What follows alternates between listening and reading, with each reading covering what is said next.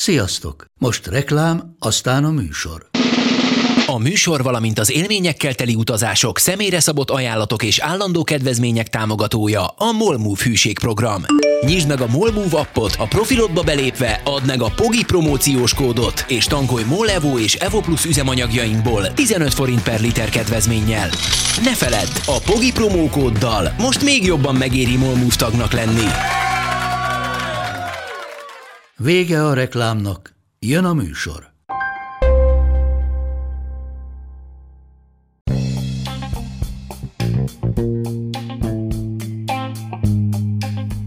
Ez itt a Pogi Podcast. Pogácsa Zoltán közgazdás, szociológus, politikai gazdaságtani podcastja a globális gazdaságról a klímaválság, az automatizáció, a digitális gazdaság, az egyenlőtlenségek és a posztdemokrácia korszakában.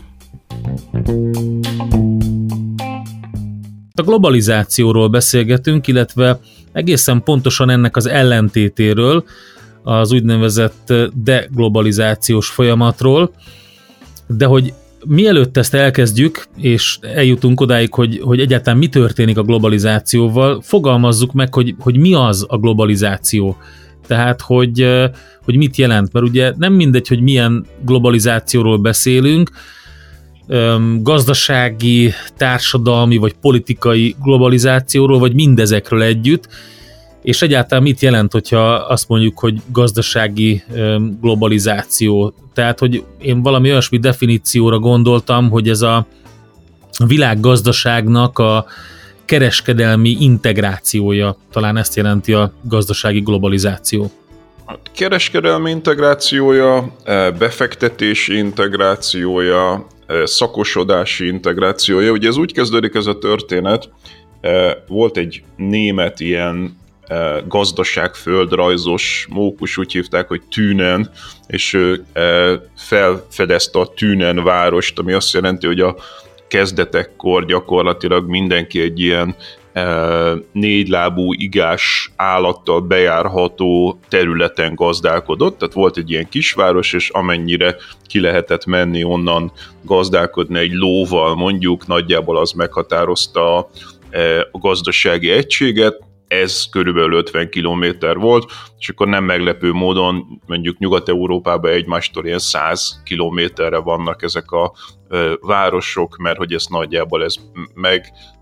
adta, és akkor utána elkezdtek úgy kereskedni, hogy a folyókon, tehát ugye a folyók voltak az ilyen összekötők ezek között a városok között, aztán ugye egy idő után a partmenti hajózás működött, tehát hogy nem mertek nagyon messzire elmenni a hajókkal a, a, a tengerparttól, és aztán, ahogy egyre jobb hajókat építettek, ugye a, az, a kontinensek, nagy földrajzi felfedezések összekötötték a kontinenseket, illetve létrejöttek az olyan nagy kereskedelmi útvonalak, mint mondjuk a Sejem út, ami összekötötte Európát és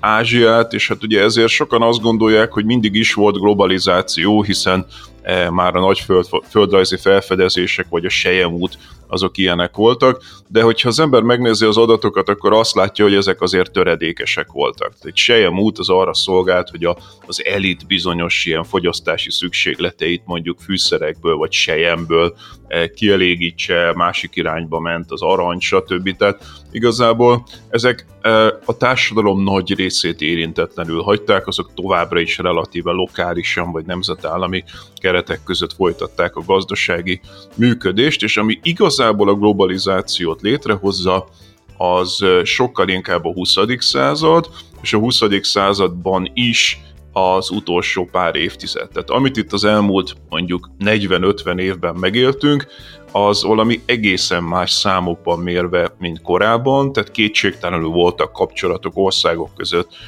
akár transzkontinentálisan korábban, de az elmúlt 30-40 évek in, év integrációja az, az egész más, és akkor olyan mérőszámokat lehet itt bedobni, mint ugye te is mondtál a kereskedelemről, tehát export-import statisztikák, mennyire nyitottak ezek a gazdaságok, de olyanok is például, mint ugye a tényezőknek az áramlása, tehát mondjuk a termelési tényezők közül a tőke, mennyire lehet szabadon befektetni, ugye ehhez liberalizálni kellett a gazdaságokat, hogy szabadon be lehessen fektetni, tehát minden korábbihoz képest soha nem látott összegek mozognak a világba akár portfólió befektetések formájában, akár külföldi, direkt külföldi működőtőke formájában, de hát olyanok is, mint például a a munkaerő szabad áramlása, ami szintén nem volt jellemző korábban, vagy például ugye a, a szabadalmaknak az elterjedése, tehát hogyha valahol levédnek valamit, akkor azután a globális szabadalommá válik, vagy hát ugye a multinacionális cégeknek a létrejötte, tehát ugye régen a cégek azok nemzeti szintű cégek voltak, ma meg ugye nagy hatalmas multicégek uralják a világgazdaságot, tehát akármilyen mérőszámot veszel, az jön ki belőle, hogy mondjuk ugye 80-as évektől kezdve, úgy nagyjából a 2010-es évek elejéig, közepéig egy töretlen és exponenciális növekedés van a, a globalizáció összes mutatójába, és ugye a deglobalizációs dilemma az arról szól, hogy ez az utóbbi mondjuk 5-6 évben úgy tűnik, mintha megállna, és ugye sokan azt mondják, hogy még az is lehet, hogy visszafordulhat. Tehát, hogy van egy ilyen telítettségi szint, és akkor ugye abba belemehetünk, hogy mik okozzák ezt, és biztos-e ez, hogy ez történik, e, de a dilemma az az, hogy ez folyamatosan folytatódni fog ez a globalizáció, tehát száz százalékig elmegyünk ezekben a mutatókban, nyilván nem, hogy hol van, hol van ennek egy terítettségi szintje. Ez nagyon érdekes, amit mondasz, mert um, elsősorban ugye itt a gazdasági és kereskedelmi vonal az, ami felerősödött, de én nem tudom ketté választani, vagy elválasztani a többitől. Tehát ehhez kell egy politikai globalizáció, ami minden geopolitikai feszültség ellenére látszik ugyancsak az elmúlt évtizedekben ez a folyamat, hogy azért a, a megállapodásra törekednek valamilyen szinten ezek a politikai erők, és kell hozzá az a társadalmi jellegű globalizáció, amit viszont a technológiai fejlődés hajt. Tehát a, a digitalizáció az, ami ennek a hát ennek az autósztrádája ennek az egésznek, hiszen nem lehetne akár az által említett kereskedelmi befektetési globalizáció sem. Tehát ezek mondjuk szinergiák, nyilván a pénz hajtja, vagy legalábbis ezt mondaná a neoklasszikus közgazdaságtan, hogy a pénz hajtja az egészet, de, de, de nem lehet külön választani. Ez nagyon fontos ez a felvetés, mert ugye nyilván én sem vagyok olyan naív, hogy azt gondolnám, hogy csak gazdaság, és hogy a gazdaságot le lehet választani a többi társadalmi alrendszerről. Ugye nem véletlen, hogy a klasszikus iskola, tehát a neoklasszikusok előtti klasszikus iskola, Adam Smith, David Ricardo, Karl Marx, ők még ugye gyakorlatilag politikai gazdaságtannak nevezték ezt a disziplinát, tehát közgazdaságtan az csak a neoklasszikusokkal lesz e, e, korábban, és ugye sok más iskola is teljesen világosan ezt politikai gazdaságtannak nevezi, hiszen ugye Magyarországon ez egy rossz szájízű szó, mert a, mindenki a marxizmussal köti össze, de hát a legtöbb közgazdasági iskola az politikai gazdaságtannak nevezi, mert pontosan tudja, hogy vannak politikai hatások is, és hogyha itt a deglobalizációt nézzük, akkor is persze felmerülnek ilyenek, mint az amerikai-kínai konfliktus, ami azért elsősorban egy politikai konfliktus, ami szembe megy egy gazdasági érdek eh, közösséggel kapcsolattal, vagy mondjuk az orosz invázió Ukrajnába, ami nagyon sokat tettek deglobalizációért, ami szintén egy eh, politikai viszony, ami rányom egy kereskedelmi kapcsolatra eh, sok szempontból, és utána Hát ugye olyanok is vannak, ami se nem gazdaság, se nem politika, tehát mondjuk a Covid eh, járvány, ami ugye szétzilálta a nemzetközi befektetési láncokat, és nem biztos, hogy ugyanúgy épülnek vissza. Tehát néha egész egyszerűen a globalizációnak olyan hatásai vannak, mint hogy egy járvány sokkal gyorsabban tud terjedni, hogyha tömegek mozognak például eh, eh, akár turizmus, amit nem is említettünk, mint globalizációs mérőszám,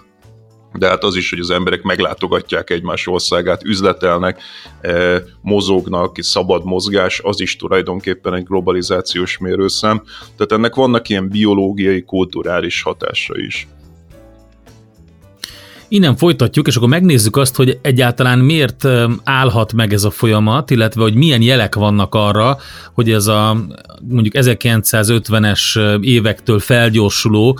és igazán jelenlévő folyamat ez megtorpan, illetve hát vannak érdekes aspektusai, még pedig az az egyik, hogy vizsgálták, hogy egyáltalán milyen lábnyoma, környezeti lábnyoma van ennek az egésznek, és azt olvastam, hogy hát ez egyáltalán nem egy pozitív dolog, pedig arra gondolhatnánk. Sajátos pogácsa. Gazdaság, társadalom, könyv és tanulmányajánló Pogácsa Zoltánnal és Kántor Endrével. A globalizációról beszélgettünk tehát, és ott tartottunk, hogy hogy alakult ez az egész ki, és hát bennem az a kérdés vetődik fel, hogy értem, a, amit mondtál a, a mondjuk a Covid-ról. A Covid mondjuk pont erősítette a, a, digitalis, a digitalizációt, a digitális fejlődést, és azt, hogy az emberek megtalálják a kapcsolatokat nem személyesen is. De mondjuk az ukrán háború, vagy az ukrajnai háború pedig pont egy nagyon érdekes helyzetet szült. Ugye először teremtett egy óriási hiányt, ha csak így leegyszerűsítjük ezt a folyamatot gabonában, és jelen pillanatban pedig azt látjuk, hogy itt éppen összefogott Szlovákia, Magyarország, Csehország, Lengyelország, hogy megállítsák azt az elképesztő töbletet, ami most a piacainkat tönkretenné. Tehát ezt a ezt a codependency-t, ezt az egymástól függőséget élelmiszerben, ezt nagyon jól megvilágította, hogy ez a, ez a diszrupció, amit a háború jelentett a, a, a élelmiszer termények piacán, ez mit jelent? Igen, szóval mind, szerintem haladjunk sorrendbe, hogy itt a, a Covid, utána az amerikai-kínai viszony, és utána az orosz invázió Ukrajnában, mindegyik másképpen hatott, Mondjuk a Covid-ot vesszük, abban igazad van, hogy a digitalizációt meg erősítette abban az értelemben, hogy ugye elkezdtünk zoomolni, elkezdtünk sokkal többet online vásárolni, de a digitalizáció az bizonyos értelemben kiváltja a, e, az, azokat a kapcsolatokat, amelyek korábban fizikai kapcsolatok voltak, tehát hogyha nekem egy Zoom meetingem van, az azt jelenti, hogy nem kell elutazzak mondjuk a távol-keletre egy e, személyes beszélgetésre, tehát mondjuk a, a személyes üzleti kapcsolatokat jelentősen csökkentette az, hogy van Zoomunk, és ezt egyébként azóta is használjuk, -e, nem kis részben kiváltva a, a, a, az, az ilyen utazásokat. De hát ugye a Covid-nak az elsődleges hatása az a beszállítói láncoknak a megakadása volt, tehát ezt rögtön mindenki látta, ugye kamionok föltorlódnak a határokon, eh, nem tudnak bejutni, eh, eleve megtermelni nem tudják eh, egy csomó mondjuk nyersanyagot és részegységet, és akkor azok a nagyon sokszor ilyen just-in-time jellegű beszállítói láncok, amiket ugye a japánok találtak ki a 80-as években, hogy nem kell raktározni, és akkor pont akkor ér oda a részegység, amikor az beépítésre kerül, és ezért ilyen nagyon-nagyon eh, precízen kiszámított beszállítói láncai voltak a nagy multiknak, és ezek perceken belül összeomlottak a Covid alatt, ami megmutatta, hogy hát micsoda függésben vannak ezek az országok egymástól, és néha nem a szomszédos országok, hanem a bolygó másik feléről hozunk be, és nem kettő komponens, hanem 2000 komponens, és nagyon könnyen szét tudnak esni ezek a láncok, és itt nagyon sok multi elgondolkodott ennek a kapcsán, hogy ez egy kitettséget jelent, ez egy veszélyforrás, és egyrészt lehet, hogy e, sokkal több helyről kell beszereznem a dolgaimat, kicsit diversifikálni, de nagyon sok multi azt gondolta, hogy közelebb kell hozni a termelést a fogyasztóhoz, tehát lerövidíteni ezeket a beszállítói láncokat, ami meg hát ugye a makroszámokra úgy fordítódik át, hogy a global, ez, de, ez deglobalizáció. Tehát amikor én mondjuk nem Ázsiából akarok csipeket hozni, mert ugye kiderül, hogy Tajvanon meg Koreába gyártják a csipek nagy részét, hanem mondjuk az Európai Unió is saját csipgyártást ambicionál, az amerikaiak is saját csipgyártást ambicionálnak, de egy csomó mondjuk, mit tudom én, legegyszerűbb szupermarketek is igyekeztek arra, hogy mondjuk közelebbről hozzák a kaját például. Tehát ez egy, ez egy deglobalizációs folyamat, a Covid ez nagyon erősen rámutatott arra, hogy túlságosan veszélyesek, kitettek lettük ezeknek a, ezeknek a nagy beszállítói láncoknak. Ami a Bocsánat, amerikai... itt egy, itt egy szerintem egy ilyen filozófiai vagy gondolkodásmódbeli változás van, ami azért érdekes számomra, mert mert pontosan szembe megy azzal az erővel, amit, amit viszont a pénz képvisel. Tehát az egyik oldalon van ez, a, ez az írtó nagy nyomás, hogy minél nagyobb profitot elérni, minél nagyobb termelékenységet, bővülést elérni. Ugye ez a javaknak a szabad áramlása és egyre nagyobb áramlása, ami jellemző a, arra a globalizációs folyamatra, amit te mondtál, miközben emberi szinten, vagy ilyen mikroszinten, például mondjuk egy nagyon egyszerű példát mondok, a, a, a gasztronómiában ez megjelenik, hogy a lokális dolgokat, a helyi dolgokat fogyasszuk először, sőt, mi több, azoknak az előtérbe helyezése azért fontos, mert nem kell távolról beszállítani, a helyi termelőket támogatjuk vele, és jót teszünk ezzel mindenkinek, a környezetnek, magunknak, a közösségnek. Na most ez nyilvánvalóan jelentkezik, nagyban is, de a másik oldalon ott van ez a nagy erő, amit képvisel a, a, a nagy kereskedelem. Ez mindig az, tehát hogyha ugye távolabbról hozó dolgokat, akkor mondjuk nagyobb a e, választék például, tehát több fajta dolgot tudsz a polcra rakni, hogyha messzebbről hozó dolgokat, e,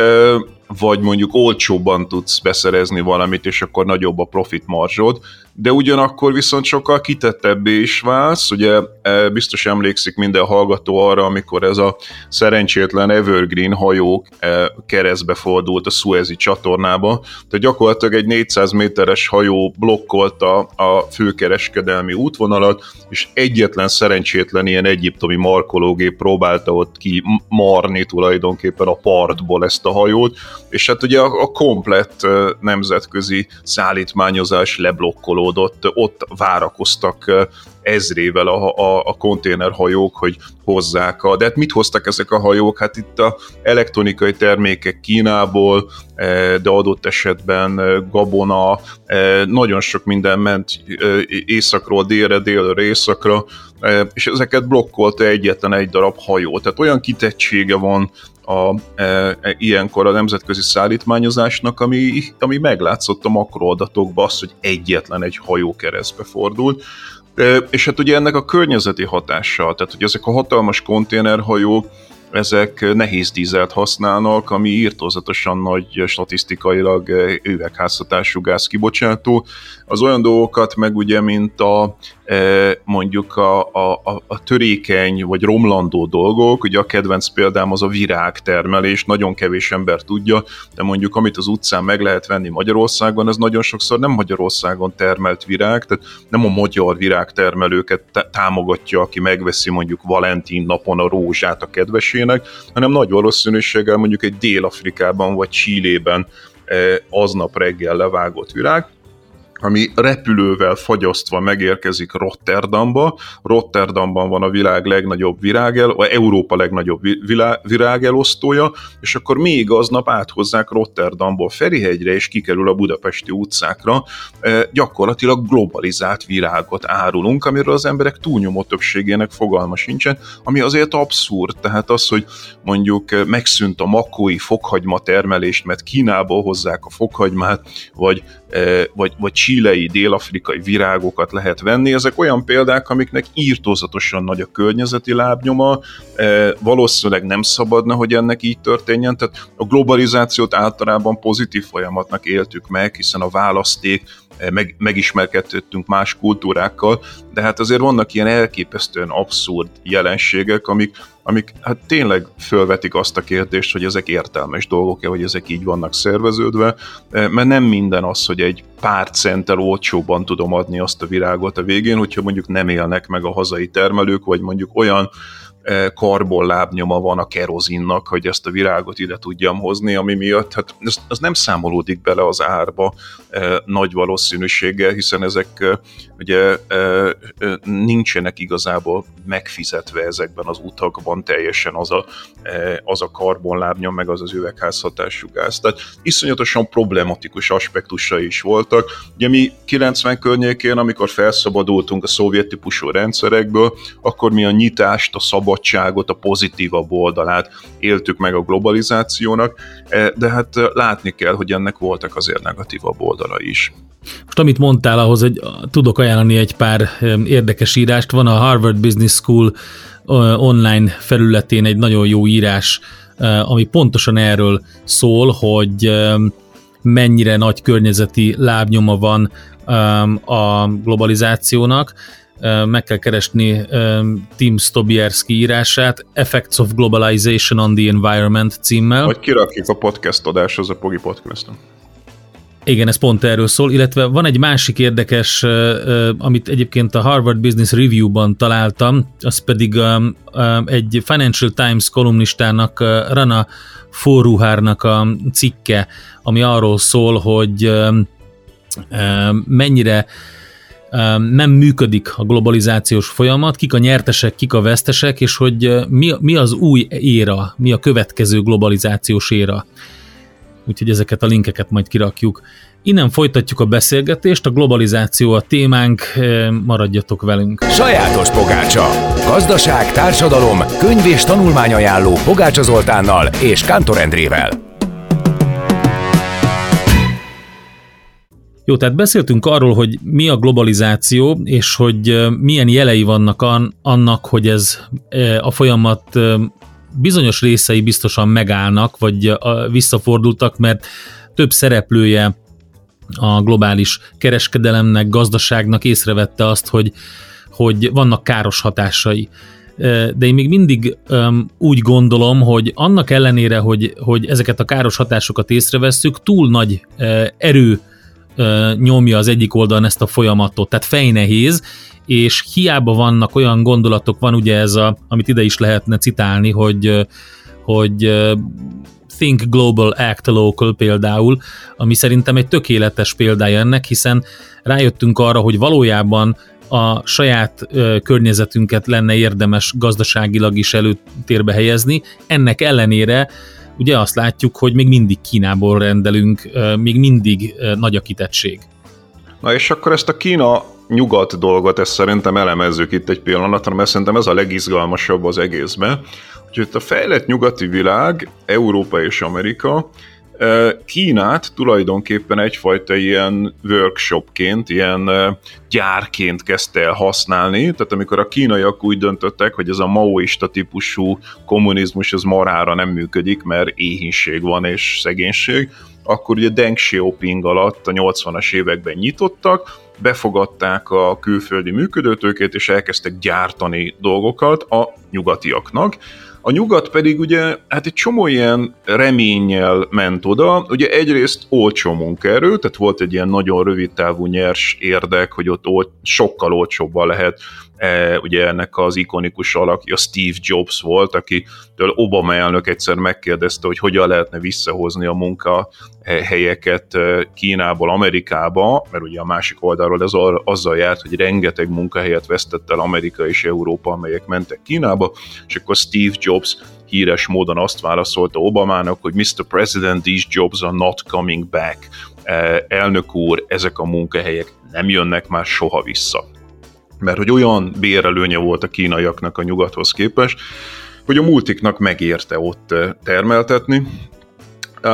És ugye az az ambíció is benne volt azért, nem csak az a gazdasági nyers racionalitás, hogy ott olcsóbb, hanem hogy ez kinyitja majd Kínát. Tehát, hogyha Kína mondjuk kereskedik a, a nyugattal, akkor majd ugye kulturálisan is, meg politikailag is tanul, és ugye ez tulajdonképpen nem is volt megalapozatlan, mert valami hasonló dolog megtörtént korábban Dél-Koreával, megtörtént Tajvannal,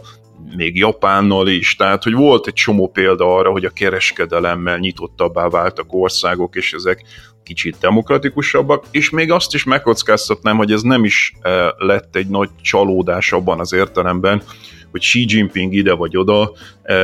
még mindig nyitottabb ma Kína, mint volt a, a, a maoizmus csúcsán. Tehát egy kicsit persze visszarendeződés van, és ma Xi Jinping sokkal zártabb Kína, mint volt mondjuk 10 évvel ezelőtt, de ha mondjuk big picture-ben nézzük a 70-es, 80-as évekhez képest, akkor kétségtelenül ma Kína egy sokkal nyitottabb ország ennek ellenére, mint valaha volt, és ez nagyon erősen kapcsolódik a kereskedelemhez, egyszerűen a kínaiak meglátták a külső világot, és látták, hogy ott jobban élnek, és és szabadon utazhatnak például, tehát hogy Kína nem a sztálini Szovjetunió, onnan sok millió kínai utazik világszerte, tehát még ez a nyitottság is kapcsolódik hozzá. Itt egy picit bedobnék egy, egy talán ördögtől való gondolatot. A, hogy is mondjam, nyitottabb Kína, de minek a kereskedelmnek köszönhető ez, vagy azoknak a sokak által vélt ilyen birodalmi terjeszkedési terveknek? Mert ugye a kínai kereskedelmet azt azért összekapcsolják a politikai, gazdasági akarattal is sok helyen, és, és azért felmerül sok mindenkiben, hogy ez a, ez a pusztán jóindulatú kereskedelmi terjeszkedés azért nem sokszor olyan jóindulatú kereskedelmi. Szerintem ez a birodalmi önérzet, ez később jön. Tehát igazából ugye Deng Xiaoping kinyitja Kínát a 80-as években, azért a 90-es években és a 2000-es években Kína sokkal inkább egy alávetett szerepben van, e, és, e, és fogadja be a nyugati működőtőkét, fogadja be a nyugati technológiát, tanul, egy idő után létrehozza a saját cégeit, megerősödik gazdaságilag, tehát évről évre ilyen 8-9-10 százalékos gazdasági növekedések. Az első pár évtizedben fel sem merül, hogy Kína riválisa lehet az, Eur- az Egyesült Államoknak. Ugye arról beszélünk, hogy unipoláris világ van, megszűnt a Szovjetunió, gyakorlatilag egy hegemon van a világban, és ugye mindenki arra várt, hogy Kína akkor lesz majd rivális, hogyha mondjuk egyfőre jutó GDP-ben megközelíti az Egyesült Államokat, de hát ez még mindig nagyon messze van, tehát hogy az legközelebb, ha minden ugyanúgy megy, mint korábban, amit nem feltételezhetünk, akkor mondjuk az évszázad második felére, végére érheti el még ezekkel a nagyon magas növekedésekkel is azt az egyfőre jutó GDP-t, mint a nyugat, tehát attól még nagyon messze van. Amire nem számítottak nyugaton, az az volt, hogy nem kell egyfőre jutó GDP-ben elérnie a nyugatot, hanem például bőségesen elég, hogyha mondjuk saját cégekkel versenyez, tehát mondjuk szemben azzal, amit mondjuk Kelet-Európa csinált, ugye ez a magyar, cseh, szlovák típusú, hogy folyamatosan a német cégeknek gyártjuk itt a dolgokat, és nem ambicionáljuk a saját cégeket, ezzel szemben Kína sokkal inkább a a, szingapúri modellt, vagy a tajvani, vagy a japán modellt követte, és ambicionálta, hogy legyenek saját cégei, és ezek a saját cégek olyan technológiai szintre jutottak, tehát hogy itt a, a humántőkének, a kutatásfejlesztésnek, a tudás alapú társadalomnak volt egy kultusza, és olyan technológiai szintre jutottak, hogy számos iparágban gyakorlatilag megelőzték az Egyesült Államokat vagy Európát, tehát világvezetővé váltak, mondok néhány példát, hogy Kínának saját űrállomása van. Kína világvezető gyors vasútban, miközben ugye régebben mondjuk a Siemens-től meg az Alstomtól vette ezeket a gyors vasutakat, ma gyors vasútban, mágnetes, mágneses lebegtetésű vasútban, de mondjuk mesterséges intelligenciában, vagy mondjuk az e-autók területén, amúgy szolár technológiában általában,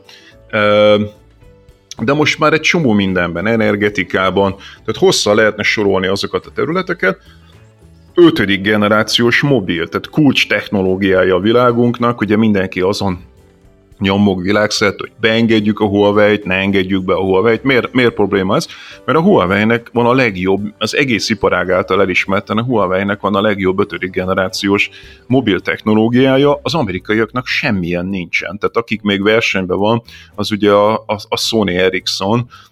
de azon kívül gyakorlatilag, de ők is elismerten hátrébb vannak, mint a Huawei 5G-ben. Tehát egy csomó olyan technológiában, hogy nem kell, hogy az, a kínaiak elérjék az egyfőre jutó GDP-t, az Egyesült Államokét, hanem bőven elég, hogyha mondjuk kulcs technológiákban eljutnak egy saját cégekkel egy bizonyos fejlettségi szintre, és ezen a ponton megijed a nyugat. Tehát ez az a pont, ahol Kína önérzetes lesz, Kína elkezd befektetni először a távol-keleti térségbe, majd Afrikába, Latin-Amerikába, elkezd egy ilyen önérzetesebb pozíciót felvenni politikailag, és a nyugat beijed, hogy úristen, ezek hamarabb lettek riválisak, eh, mint gondoltuk volna, és akkor elkezdődik egy deglobalizáció, tehát, hogy eh, ott akkor nagyon hirtelen, hogy ez Trump elnök alatt eh, történik meg, különböző szankciók, tehát ez az, amikor mondjuk a az Androidot megvonják a kínai mobilgyártóktól, vagy mondjuk bizonyos magas minőségű csipeket. Ugye manapság már ilyeneket lehet hallani, hogy mondjuk Biden elnök folytatja, tehát nem visszacsinálja, hanem folytatja ezt. Biden elnök megtiltja, hogy amerikai állampolgárok kínai chipgyártóknál dolgozzanak. Ez Magyarországon kevésbé pörgött ez a hír, de konkrétan meg van tiltva amerikai állampolgároknak, mérnököknek, hogy, hogy ők kínai csipgyártóknál dolgozzanak. Magas minőségű csipeket nem lehet eladni Kínának, de egy csomó más technológiában is. Tehát ilyen szankciók, tehát a szabad kereskedelem, tehát az, hogy az Egyesült Államok volt régen a szabad kereskedelemnek az úttörője, és mondjuk ugye volt ez a híres Davoszi fesztivál, ahova megjelent ugye Xi Jinping, és azt mondta, hogy na akkor most mi leszünk a szabadkereskedelem úttörői, tehát hogyha az Egyesült Államok megvonja tőlünk és visszakozik a szabadkereskedelembe, akkor ilyen megdöbbentő módon a kínai kommunista párt főtitkára egyszer csak kihasználva ezt a megüresedett szimbolikus pozíciót, egyszer csak Davosban bedobja, hogy akkor innentől mi leszünk a szabadkereskedelem úttörői, mindenkit meglepett. Tehát, hogy hogy egy ponton a nyugat megijed, és azt mondja, hogy úristen, egyáltalán nem biztos, hogy ez nekünk jó, politikailag túl megerősödött Kína, a világ nagy részét Kína ma már a kereskedelmi partner, tehát biztos látott a hallgató ilyen térképeket, hogy 1980-as években ki az első számú kereskedelmi partner a világ országainak, e, nagyjából kékre van színezve a térképen majdnem mindenkinek az Egyesült Államok, majd 20-30 évvel később pirosra van színezve a világ térképen majdnem mindenkinek Kína. Sajátos pogácsa. Gazdaság, társadalom, könyv és tanulmányajánló Pogácsa Zoltánnal és Kántor Endrével. Oké, tehát hogy te azt mondod, hogy alapvetően a globalizációnak a visszafordulása, ennek az egész folyamatnak legalábbis a megállítása, vagy meg, megfékezése helyesen, de globalizáció az egy politikai akaratból született alapvetően. És szembe megy a gazdasági érdekekkel. Tehát az van, amit mondtál a legelején ennek a blokknak, hogy ugye meg lehet ezt csinálni. Mert az, hogy az, a kínaiak e, megerősödtek és önérzetesebbek lettek, az kétségtelen. Az, hogy az amerikaiak erre reagálnak és politikai okokból e, deglobalizálni akarnak, ez kétségtelen. A kérdés az az, és szerintem ez az egyik legizgalmasabb kérdés itt a deglobalizáció kapcsán, hogy meg tudják ezt csinálni. Hát olyan szinten vannak összekapcsolódva ezek a beszállítói láncok a multiknál, tehát nem csak arról beszélünk, hogy mondjuk az iPhone-t Amerikába azért lehet relatíve olcsón eladni, tudom, hogy drága az iPhone, de, de, de még drágább lenne, hogyha mondjuk nem a tajvani Foxconn gyártaná, e, Shenzhenben, azaz a népi Kínában, sokkal olcsóbban, mint hogy miért Amerikában tudjuk gyártani, és azokba a csipekbe, amelyeket mondjuk TSMC vagy egy Samsung belerak egy, egy Apple készülékbe, abba mondjuk belekerülnek olyan ritka földfémek, amik alapvetően Kínából jönnek. Most egy bizonyos pontig el lehet menni abban, hogy deglobalizálunk, tehát még az Androidot meg lehet vonni a, a kínai mobilgyártóktól, ott is persze kérdés, hogy mi lesz erre a reakció, mert az egyik reakció lehet, hogy lemaradnak mondjuk pár évig a kínai mobilgyártók, de mondjuk ez sokkal inkább arra ösztönzi őket, hogy saját operációs rendszert fejlesztenek ki, és saját chipgyártást, a kínaiak brutális pénzeket raknak most bele abba, hogy high-tech chipjeik legyenek, és hát eddig már nagyon sokszor megleptek minket technológiailag, tehát én nem lepődnék meg, ha 5-10 éves távlatban lennének marha jó chipjeik, meg mi van, hogyha lesz egy saját operációs rendszerük? Tehát, hogy tudunk-e globalizálódni, vagy rá vagyunk utalva, szerintem a ritka földfémek a legjobb példa arra, hogy nem nagyon, még, a, még a, talán a munkaerőt vissza lehet hozni, bár az is kétséges, hogy mi van, hogyha nem tudunk olcsón gyártatni, de a ritka földfémekben szinte biztos, hogy ráutalódunk Kínára és a függő országaira, de mi van akkor, hogyha ezek létrehoznak egy teljesen alternatív mondjuk szoftveres ökoszisztémát, és erre, erre, erre vannak jelek, hogy mondjuk ha nyugattól lesz az iOS és az Android, keleten lesznek a kínai operációs rendszerek, és hogy ahogy az előbb mondtad, Kínának most már tulajdonképpen van egy birodalma. Mi van, hogyha távol-keleti országokba, Afrikába és Ázsiába sokkal több felhasználó használja a kínai operációs rendszereket, mint itt a nyugatiak a sokkal ugye, kisebb népesség, kisebb népszaporulat hosszabb távon, ezekben az országokban, Nigériákban, Pakisztánokban, akik jóban vannak Kínával, sokkal több ember lesz, és ez az ökoszisztéma nyerhet. Nekem is ez a kérdésem igazából, hogy, hogy vajon pusztán egy ilyen protekcionista intézkedésekkel politikailag megállítható egy folyamat, miközben, és ezért nem tudtam az elején eldönteni, hogy el tudjuk-e egymástól választani a társadalmi, a politikai és a gazdasági globalizációt, hiszen a társadalmi globalizációnak a kulturális globalizációnak olyan erős a hatása, annyira összefonódott az egész, hogy az is pont ellene megy. Tehát ugye az a fajta vélemény sokasság, véleményszabadság és információ áramlás, amit biztosít a digitalizáció ma, a technológia. Nyilván oké, okay, vannak buborékok, és nyilván irányíthatóak ezek a vélemények, de azért ettől függetlenül megvan ez a fajta összekapcsoltsága a világnak, ami korábban nem volt. Tehát ez szerintem nagyon nehézé teszi ezt, hogy ezt bármilyen szinten megfékezzék, vagy visszaállítsák. Szerintem a kultúrát még le lehet választani, tehát nekem az a tapasztalatom, hogy az emberek tök szívesen fogyasztanak a kultúrát, úgyhogy egyébként a politikai vagy, vagy gazdasági kapcsolatokról mit sem sejtenek. Ugye mondjuk az, hogy, nyug, hogy hogyan élnek ma a kínaiak, hát ez egy nyugati fogyasztói társadalom. Tehát ha valaki elmegy mondjuk eh, Shanghaiba, Pekingbe, Shenzhenbe, akkor egy olyan középosztályt lát, ami teljesen nyugati típusú fogyasztási kultúrákat vesz fel. De hát ugye a Nyugat-Európában is, vagy a nyugati világban is alapvetően az ázsiai kultúra betört, tehát még Budapest is tele van nem csak kínai éttermekkel, de vietnámi, táj most már a tajvani buborékos tea is betört Budapestre. Múltkor számoltam, hogy hat buborékos tea hely van Budapest belvárosában, és akár hinné a hallgató, akár nem, de magyar tínédzserek mongát gyűjtenek, és ki is tajvani buborékos teát isznak, tehát hogy, hogy ezek tudnak történni anélkül, hogy egyébként bármi kapcsolódása lenne a többi szférához. Tehát szerintem a kultúra sokkal gyorsabban utat tör magának, mert az embereket az érdekli.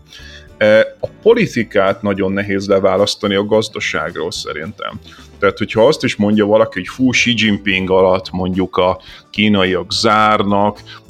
a kínaiak azt mondják, hogy ez a csúnya Trump velük szemben, ugye milyen csúnyán ejtette ki azt a szót, hogy China, China, mindig így kiabált, és ilyen gyűlölettel mondta a Kína nevet. E, nyilván van egy csomó, e, ugye amikor a Covid alatt elkezdték azt terjeszteni, hogy a kínai vírus, tehát itt vannak ilyen politikai feszültségek, de hogy itt szerint én egy sokkal erősebb problémát érzek abban, hogy gazdaságilag le lehet-e választani ezeket a blokkokat, nem biztos, Szóval szerintem ez egy eldöntetlen kérdés, én is semmi erőset nem mernék mondani, mert szerintem ez a következő tíz év zenéje, hogy egyáltalán le lehet-e választani, vagy értelmes dolog ele választani, nem vagyok biztos benne, hogy le lehet. És a másik, hogyha le lehet választani, akkor ki fog nyerni. Mert akkor gyakorlatilag egy ilyen Orwelli típusú Eurázsia, Óceánia blokk verseny lesz, ami ugye azt hittük régen, hogy a globalizáció az azt jelenti, hogy egy nagy békés világ, mindenki szeret mindenkit, mindenki mindenkivel együttműködik, aztán ugye elkezdünk oda, hogy marhára nem, tehát hogyha a kínaiaknak lesz egy saját gazdasági blokkjuk, kereskednek, befektetnek, e, ugye ez az egy út, egy öv, övezet ilyen e, fejlesztési programja a kínaiaknak, a sokkal több pénzt rak bele, mint mondjuk a világbanka az országokba, és, és mondjuk, amit mondtam az előbb, hogy mondjuk kínai technológiát használnak, 5G-ben, kínai szoftvereket, kínai mobilokat, kínai operációs rendszerekkel, akkor ezt a nyugat könnyen elveszítheti. Egész egyszerűen csak a számossága miatt sokkal nagyobb Kína, sokkal nagyobb a kínai befolyási övezet, Szóval akkor is izgalmas, hogy ha, ha, ha, ha lesz deglobalizáció, és blokkok lesznek, de akkor is izgalmas, hogy ha nem lesz deglobalizáció, hanem muszáj együttműködniük, mert hogyan tudnak együttműködni ennyire egymással, egymás politikailag meg nem értő országok. A kínaiak nem akarnak nyugati demokráciát, a nyugati demokráciák meg nagyon kritikusak a kínai autoritárius rendszerrel szemben, Szóval, hogy ha, ha, ha, ha megmarad a kölcsönös függőség, akkor meg az lesz izgalmas, hogy, hogy ezek hogyan tudnak együttműködni, miközben állandóan kritizálják egymást. Na hát akkor egy kis naivitással azt mondom, hogy itt van a kultúra szerepe. Lehet, hogy könnyen leválasztható, de azért baromi nagy kovácsolóreje van. Tehát eh, ha, ha lehet reményt kifejezni, akkor jó lenne, hogyha abba az irányba menne tovább a globalizáció, amit te is mondtál. Tehát talán ez az egyetlen fenntartható, hogy, hogy egy, egy, egy nagy, közösen együtt dolgozó világ, ami persze nyilván tudom, hogy nem így van, és a közeljövőben nem is lesz meg, de legalább álmodni lehet. Marhára nem erre mennek a folyamatok. Tehát ugye, amiről még nem beszéltünk, de kéne ez az orosz invázió Ukrajnában, ami marhára nem erre viszi a folyamatokat, de hát ugye nő a feszültség a tajvani szorosban is, ami marhára nem erre viszi a folyamatokat, és olyanokat se felejtsünk el, hogy azért mondjuk India és Kína között is van egy elképesztően feszült viszony, eh, ami szintén nem erre az irányba viszi a folyamatokat, tehát hogy ezeket a, a BRIC országokat, ugye hajlamosak voltunk a harmadik világot egy blokként kezelni, és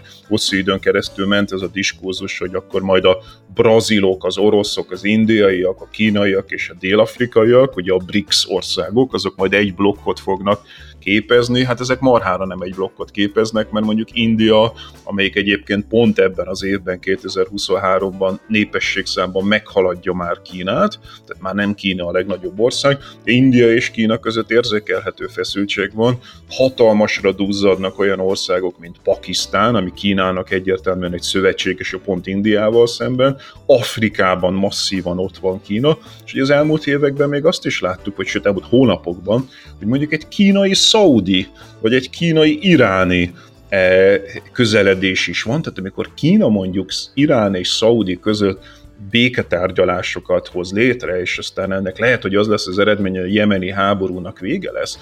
azért az egy óriási átrendeződés a világpolitikában, hogy a, az amerikaiakkal szemben, akik nagyon kritizálják Szaudit, mi van, hogyha mondjuk a, a, a közel-kelet Ugye ott van egy kölcsönös függés, mert ugye a kínaiak hatalmas vásárlója a közel-keleti olajnak, az olajról leválnak a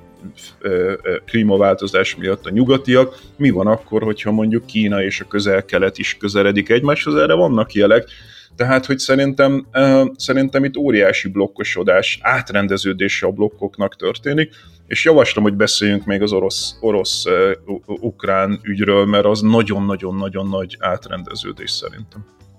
Jó, mindenféleképpen ezek közül több olyan téma is van, amit nagyon jó lenne átbeszélni, akár a közel-kelet is egy érdekes helyzet, hogy hogy alakult ott az erőtér. Pont, hogy említetted a jemeni háborút, ugye, amit így kicsit így el szoktunk felejteni, eh, hiszen Ukrajna árnyékában vagyunk és közelségében, miközben a legnagyobb humanitárius katasztrófa zajlik éppen Jemenben, de akkor hát ezek olyan témák, amiket a következő epizódokban majd megbeszélünk a globalizációt próbáltuk egy picit átbeszélni, hogy milyen folyamatok vannak. Köszönöm szépen, nagyon izgalmas beszélgetés volt. Köszönöm.